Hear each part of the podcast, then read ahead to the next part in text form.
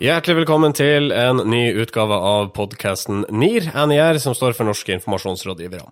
Her i studio sitter Marius Staulen som eh, vanlig og pusler med kontrollene. Og til min høyre igjen, der har vi en velkjent herremann. Der har du Sindre Holme. Eh, jeg sitter nå tilbake igjen på den plassen jeg eh, satt tidligere. Ja, For du kom altså etter Marius Torkelsen sist, og dermed fikk ikke du velge din favorittplass i, i sofaen? Det er riktig. Og nå har jeg benytta sjansen til å sette meg her. Ja. Eh, fordi jeg var eh, ganske kjapt ute med å sett meg rett og slett. Godt jobba. Eh, hjertelig velkommen. Tusen takk. Eh, og så er det da slik at Marius Torkelsen han eh, var forhindra fra å komme i denne uka. Men vi har en erstatter på plass, og jeg tror at han kommer til å tilføre dette programmet en ekstra dimensjon. Vi sier hjertelig velkommen til Sigurd Skjefstad her borte. Tusen takk for det. Det er veldig hyggelig å endelig få lov til å være gjesteprogramleder på NIR. Ja, For du har masa om dette her helt siden vi starta, har du ikke? Ja, Siden før oppstart. Siden jeg hørte om planen, så har jeg vel egentlig mast. Så Ja. mast lønner seg. Ja. Har du vært eh, med i, pod altså, i podkastformatet på noen måte før? Nei, ikke i det hele tatt. Ikke i det hele tatt. Nei. Har du blitt intervjua i radio før? Det har jeg gjort. Jeg har eh, gått fem på en sånn nyttårsspøk fra NRK P3. okay. Har du noen sånne hemmelige videoer på YouTube som ingen vet om? Nei, det har jeg ikke. eller Da vet jeg i hvert fall ikke om dem sjøl heller. Nei? Ok. Men derimot så opplever jeg ganske ofte når jeg går på gata, at folk plutselig på en måte ler litt mot meg. Å, ja. Eller smiler litt uten at jeg vet hvem de er. Og da tenker jeg at hm, kanskje en gang i min ungdom har jeg blitt filma. Ja. Jeg gjorde noe jeg ikke burde ha gjort. Eller kanskje du ser litt karikert ut? Det har jeg også fått høre. det har jeg også fått høre flere ganger. Ja. Uh, Sigurd, fortell litt om deg sjøl, da. Ja, Um, jeg er midt mellom, eh, hva heter det, det beste fra to verdener. Um, på vei inn som los, rådgiver i Los og Co., et kommunikasjonsbyrå her i Oslo. Gratulerer. Takk for det. takk for det. Tidligere så har jeg jobba med markeds-PR i PR-operatørene. Ja.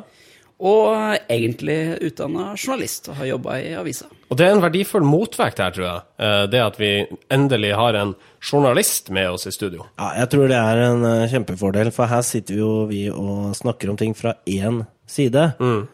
og vi hater jo journalister, vi informasjonsrådgivere, så, så på en måte Ja. Eh, vi vi tar, får ta en verbal duell her med Sigurd. Ja. Okay. Vi har forhåpentlig god sending til eh, dere også denne uka. Blant annet så skal vi høre om eh, demokratisk sabotasje i dag. Det er riktig. Vi skal også en tur innom amerikansk politikk. Ja. Og så skal vi høre om noe så sjelden som eh, klappekritikk, som har ført til motkritikk. Det høres veldig interessant ut. Skal vi kjøre i gang? Ja, la oss gjøre det. Norske informasjonsrådgivere. Og vi starter med vår egen bransje, som vi har gjort tidligere. Ja, det er korrekt. Eh, Det er da Hans Gelmyden, som da er kjent for å være ganske frittalende. Og han eh, skyter da løs på den herre PR-bransjen, som vi er en del av, og eh, sier at dette, denne bransjen er en parodi på seg selv og full av tomhet. Og ja, det er på tide å høre på journalistene som har kritisert oss i alle år. Eh, fordi vi farer egentlig med mye tomprat. Hvor er det dette sinnet kommer ifra, egentlig? Nei, det begynte jo med at uh, med dette gullkornarrangementet som ble holdt på Teaterkafeen uh, denne gang. Eh, og der var da Hans Gjelmund gjest. Eh, og så vidt jeg kunne høre, så var han eh, eh, litt sånn som de gamlingene på Muppet Show under hele prisutdelingen, for han var ganske kritisk til alt som foregikk på den scenen. Uh, det var en debatt om amerikansk politikk som Hans Gelmin mener var blottet for eh, poenger, uh, og det var prisutdelere med takketaler som han eh, ikke likte. eh, og det var eh, rett og slett mye form og innhold som ikke var bra. Ja, ok. Dere var der begge to.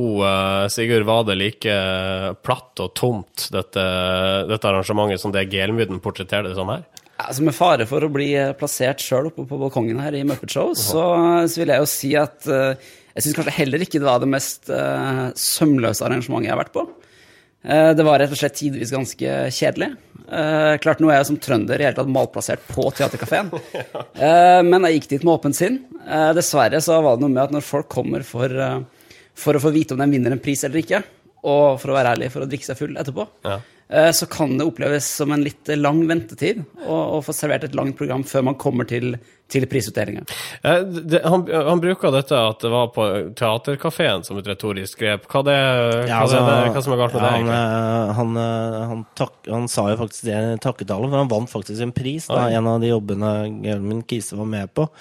Eh, han sa at han følte at med ett var, de, var vi bomba tilbake 20 år i tid, til den gangen PR sto for på restaurant.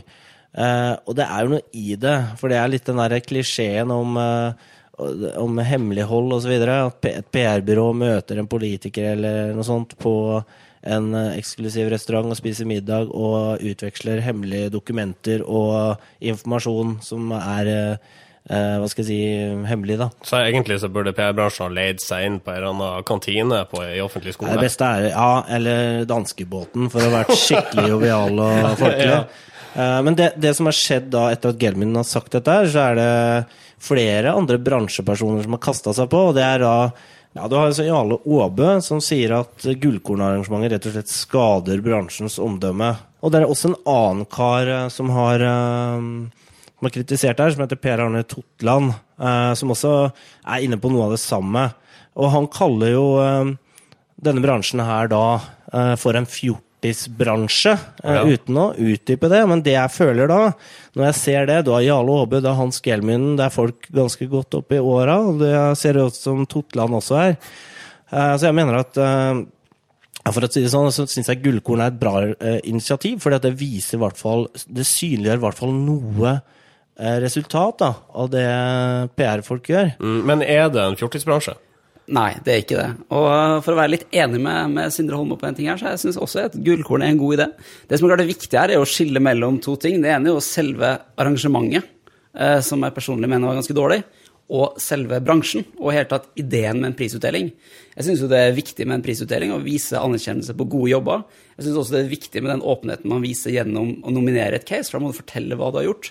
Klart, Her kommer det fram en del personer som er særdeles opptatt av å vise at de tilhører det de kaller den seriøse delen av bransjen, som handler om strate strategisk rådgivning mer enn på en måte type f.eks. markeds-PR.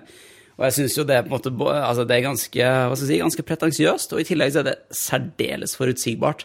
eh, At en person f.eks. som Gelmøyden kommer med på restaurant, det er vel en analogi som dras opp omtrent en gang i året, med dem samme som eh, skyter inn noen argumenter med eller mot, og så går debatten over av seg sjøl. Den eneste som har glede av det her, det er jo mine tidligere kollegaer i pressen. Journalister som elsker å på en måte mistenkeliggjøre PR-folk, og får en negativ sak. Ok, uh, gullkorn som prisutdeling, livets rett, ja eller nei? Jeg mener det har livets rett, uh, men det er et eh, det er mer et sånn uh, formmessig spørsmål på hvordan uh, man skal gjøre ting. Og jeg, jeg, jeg ser et kjempepotensial, for jeg ser at uh, i dag så er det f.eks. ikke CSR, samfunnsansvar, er ikke en egen kategori. Det kunne vært. Altså Man kan vise fram mye spennende arbeid som ikke blir vist fram, og som ikke lar seg vise frem i, innenfor de kategoriene som eksisterer nå. Jeg gir også et definitivt ja. Eh, Det jeg derimot gir et nei til, det er altså at eh, profilerte PR-rådgivere skal gi intervjuer til eh, På nattbordet i DN. Eh, Fordi det er klart, det som faktisk har gjort mest skade for PR-bransjen den siste uka, det er jo eh, Fredrik Hannestad, daglig leder i Nord PR, som da intervjua i den faste spalten På nattbordet, som handler om hva slags lesestoff du fordyper deg. Han har, leser ikke skjønnlitteratur. Hans siste bok han leste, det var Idar Vollviks bok om PR. Men generelt synes at, han, at det blir for lite faglitteratur, fordi bransjen går så fort framover at straks det kommer i bokform, er det utdatert. Så han leser mest faglitteratur i, på kampanje.com. Eh, det her står ved siden av eh, Per Arne Tortlands innlegg 'En fjortisbransje', og sammen blir det jo ganske forstemmende. Ja, tror du det er bevisst eh, valg av DN å putte de to artiklene ved siden av hverandre? Jeg har jobba på desken sjøl, jeg kan si så mye som at ingenting er tilfeldig. NIR. Norske informasjonsrådgivere. Ok, vi skal snakke om det som i Dagbladet er benevnt som demokratisk sabotasje. Det er riktig. Det er jo, eh, høres jo veldig skummelt og fælt ut. Eh, Og det handler eh, egentlig om at, at departementene ofte, kanskje i litt for stor grad, slipper informasjon som er litt sånn negativ for den selv. Den slipper de i form av pressemeldinger, gjerne på et tidspunkt hvor redaksjonene er lavt bemanna, altså på ettermiddager rett før eh, folk går til eh, helg, eller går eh, for å ta helg. Og Anne Marte Blindheim tar også opp dette temaet i en kommentar i Dagbladet, hvor hun skriver at dumping av farlig politisk avfall på journalistikkens røde dager er det skitneste trikset i PR-boka. Og saken handler om at at på forrige fredag så kom det en pressemelding sånn midt på dagen. Jeg vet ikke hva det betyr for en journalist, men det er kanskje klokka tre. Eh, Da kom en pressemelding fra Kulturdepartementet om at de resterende 22. juli-intervjuene som er gjort med embetsverket, og som kan inneholde masse informasjon, eh, interessant informasjon, ville bli sluppet samme dag. Eh, altså litt seinere på, På fredag, på fredagen. Men det som var litt interessant, det var jo at eh, jo, for så vidt eh, litt eh, besynderlig tidspunkt. Men det hun klagde på, det var at dette var jo samme dag som skattelistene kom. Oi, det er vel kanskje den rødeste, rødeste dagen for journalister? Viktigste begivenheten for journalister i året, kanskje. Ja. Jeg må jo si det her er en, et klassisk eksempel på en indignert eh, journalist som er skuffa over at eh, på det tidspunktet man var opptatt av å skrive om hva Lene Alexandra tjente i fjor, så kommer det en nyhet som man egentlig heller burde ha skrevet om. ja. Eh, og jeg syns jo eh, det, det i denne saken som kler tittelen best, det er jo byline-bildet av Anne Marte Blindheim, der hun ser virkelig så indignert ut. Og det er jo litt smitta litt over på, på stemmen i, i resten av historien. For det er jo klart det at skattelisteslippet, eh, det vet man jo når det kommer. Dersom en redaksjon velger å putte alle sine medarbeidere på å dekke det, så er jo det et journalistisk valg de tar. Da er det liksom litt vanskelig å klage på at det faktisk skjer reelle nyheter også. Eh, men for å ta et skritt tilbake, så vil jeg si at skattelistene i seg sjøl eh, er jo på en måte positivt at det åpna opp. Det er en viktig demokratisk funksjon å kunne se hva folk eh, har av inntekt.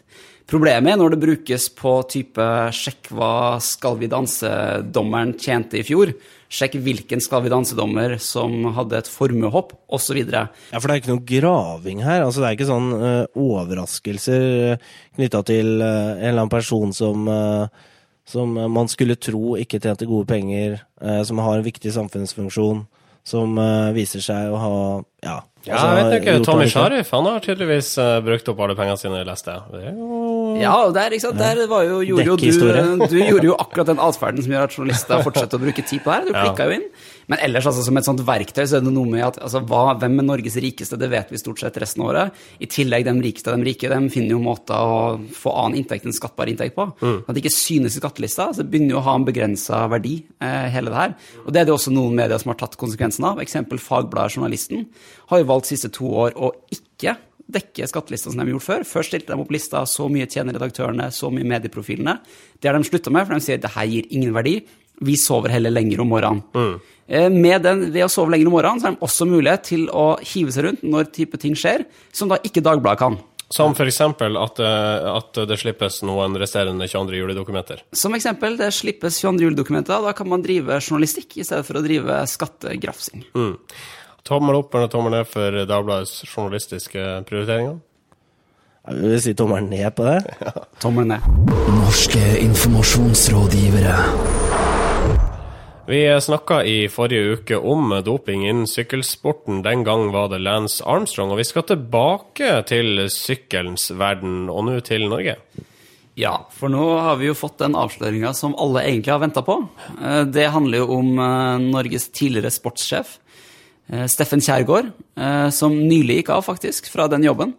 Han eh, innkalte da til en pressekonferanse tidligere i uka, hvor han eh, etter, eh, ifølge seg sjøl la alle kort på bordet, og innrømte bruk av doping da han var aktiv syklist på samme lag som eh, Lance Armstrong. Mm, du sa at dette er noe alle har venta på. Har det vært mye spekulasjoner rundt dette? da? Det har jo det. eh, I tråd med at eh, stadig flere tidligere syklister har eh, blitt tatt eller stått fram som, eh, som dopere. Eh, det er klart at særlig Steffen Kjærgaard, som var syklist i en periode hvor veldig mange dopa seg, og ikke minst på det her laget US Postal, eh, Armstrong-laget, hvor da den ene etter den andre har stått fram og sagt at nærmest folk satt i teambussen sammen og injisert eh, EPO. Så det er klart at da virka det litt rart at vi hadde en syklist og sportssjef som sa at han aldri dopa seg, og han har aldri sett noe, aldri hørt noe. Mm.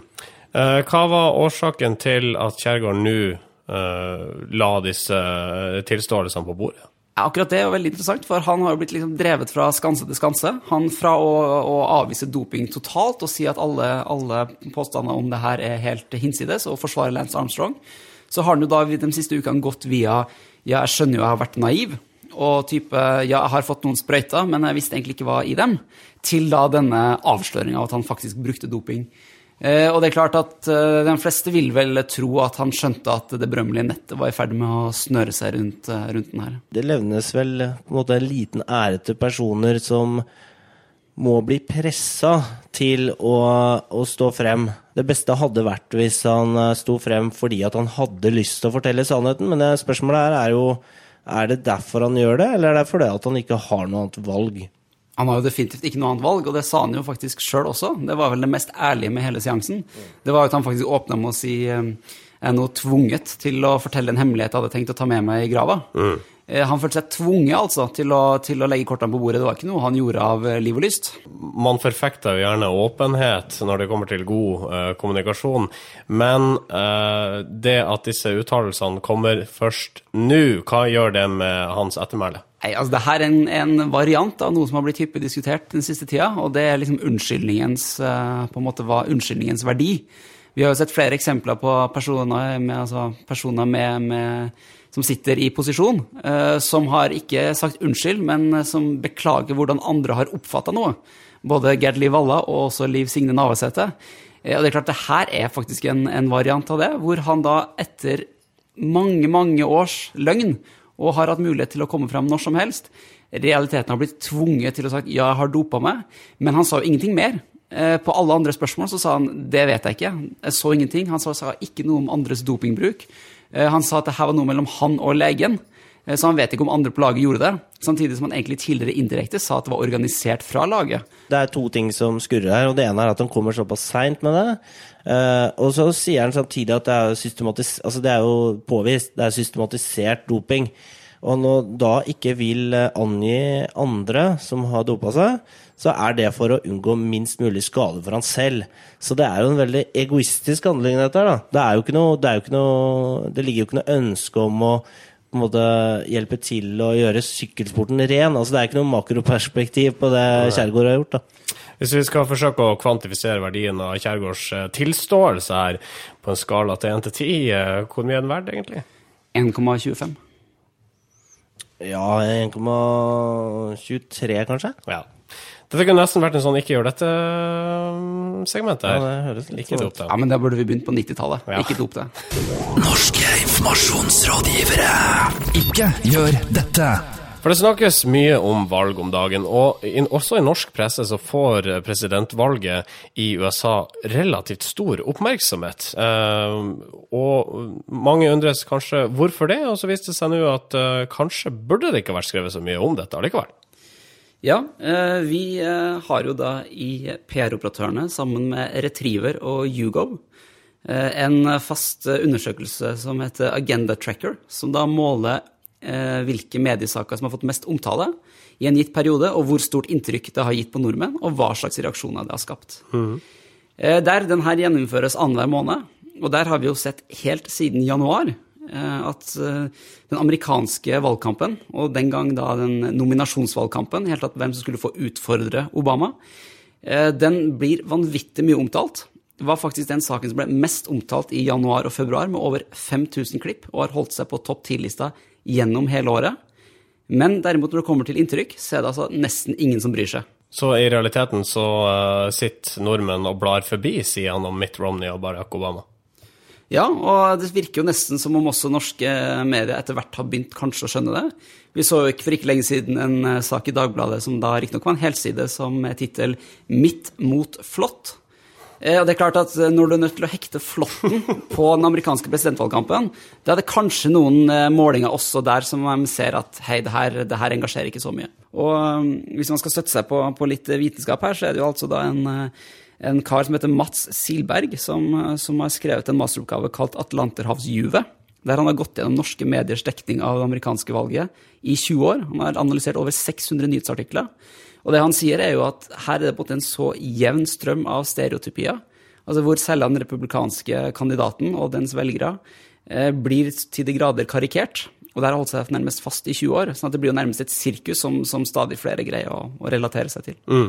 Eh, dette her blir kanskje litt utafor uh, vår bransje å sitte og, og, vurdere, men vi får prøve likevel, føler jeg. Eh, har det egentlig noe å si for Norge eh, hvem som eh, er president i USA? Får det noen konsekvenser for, for oss?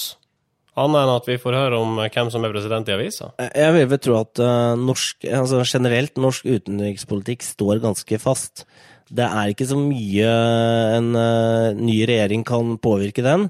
Sånn at vårt forhold til USA tror jeg står, er ganske sånn stabilt, da.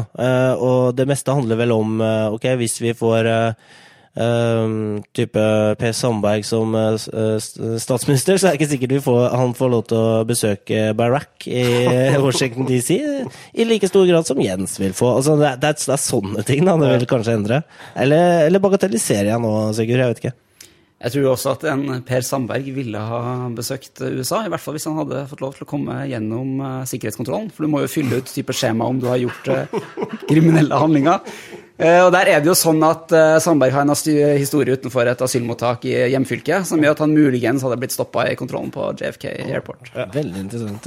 Det er ja. Alltid artig å ha journalister på besøk. De har så mye interessant å fortelle. For å holde oss til det vi strengt tatt skal mene om, så er det jo sånn at Norske journalister, slutt å skrive så mye om det amerikanske valget. Det blir ikke så godt lagt merke til av lesere.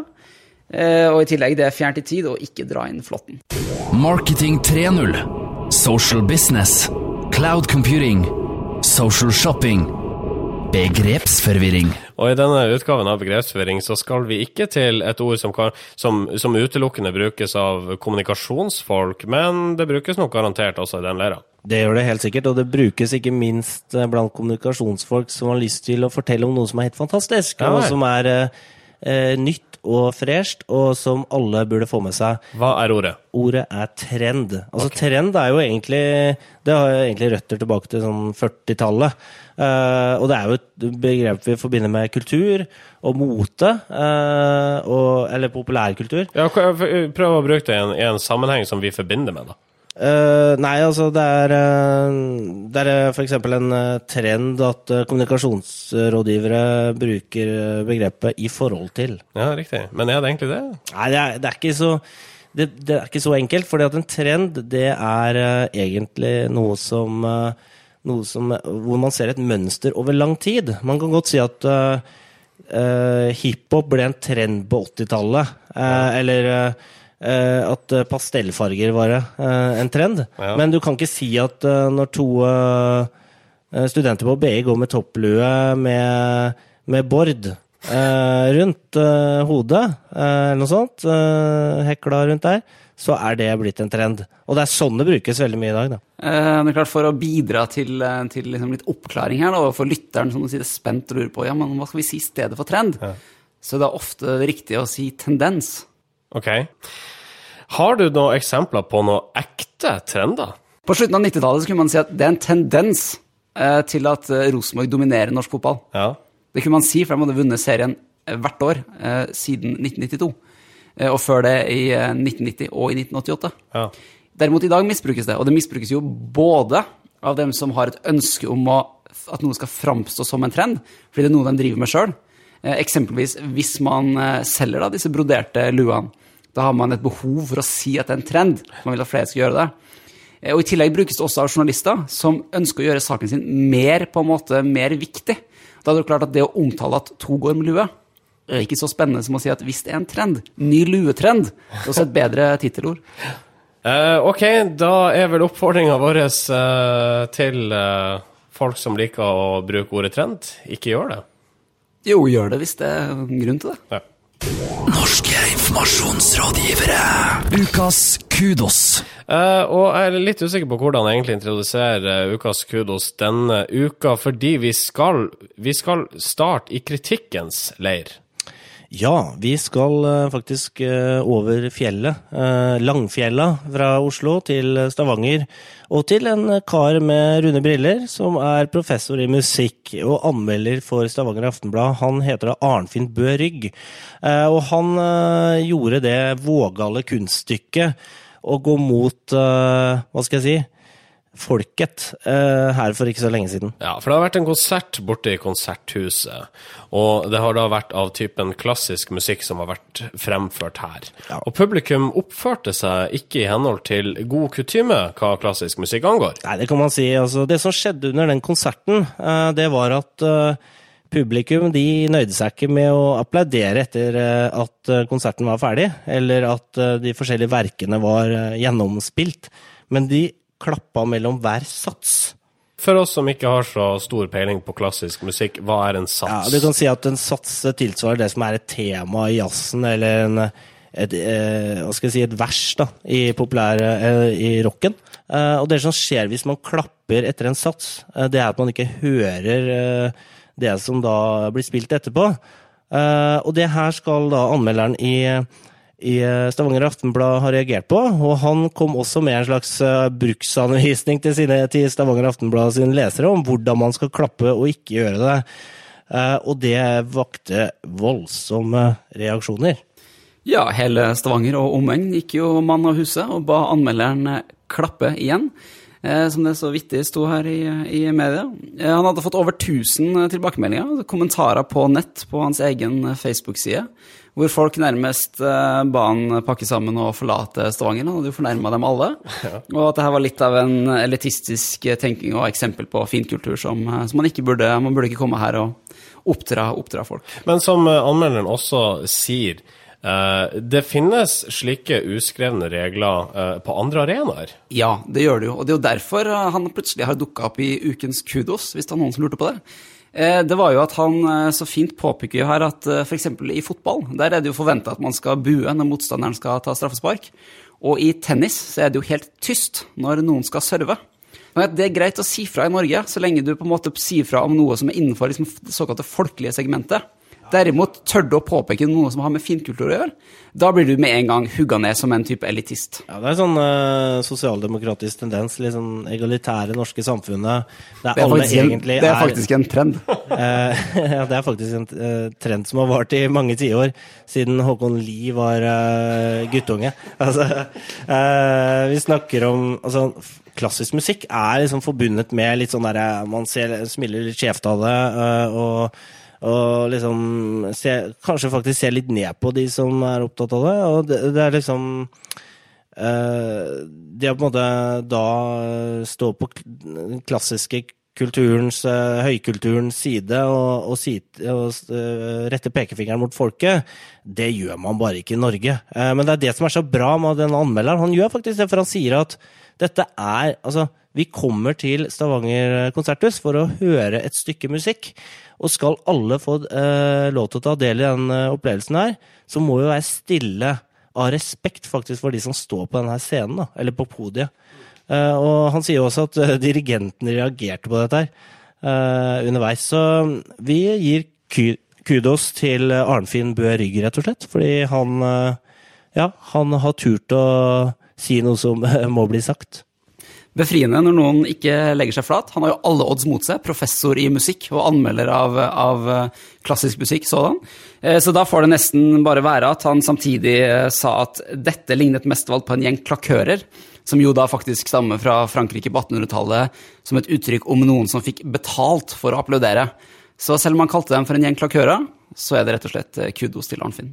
Norske informasjonsrådgivere. Og dette programmet drar seg jaggu meg mot slutten igjen. Vi har vel eh, de vante obligatoriske kunngjøringene på slutten her. Vi har en e-postadresse. Den er nearcast at yahoo.com. Ja, vi har Yahoo fordi Gmail, altså nearcast at gmail.com, faktisk var opptatt. Og det er veldig trist. Eh, Vi har også en SoundCloud-side, soundcloud.com slash nearcast. Der ligger også adressa til RSS-en vår, sånn at du kan abonnere på denne podkasten her eh, i din foretrukne mediespiller. Sigurd, har du noe du vil si på slutten av programmet? Jeg vil bare si at uh, takk så mye for muligheten til å få lov til å være gjesteprogramleder og los uh, i det programmet når eh, Marius Thorkildsen var borte. Det var store sko å fylle, nærmere bestemt 44,5. Men uh, jeg har i hvert fall fylt eh, 43 av dem. Eh, takk skal du ha for at du uh, steppa inn på kort varsel. Vi avslutter her fra Studio 2 eh, i Nydalen ved å eh, gjenta våre navn. Og mitt er da Marius Staulen. Sindre Holme. Sigurd Skjefstad. Og vi høres igjen neste uke.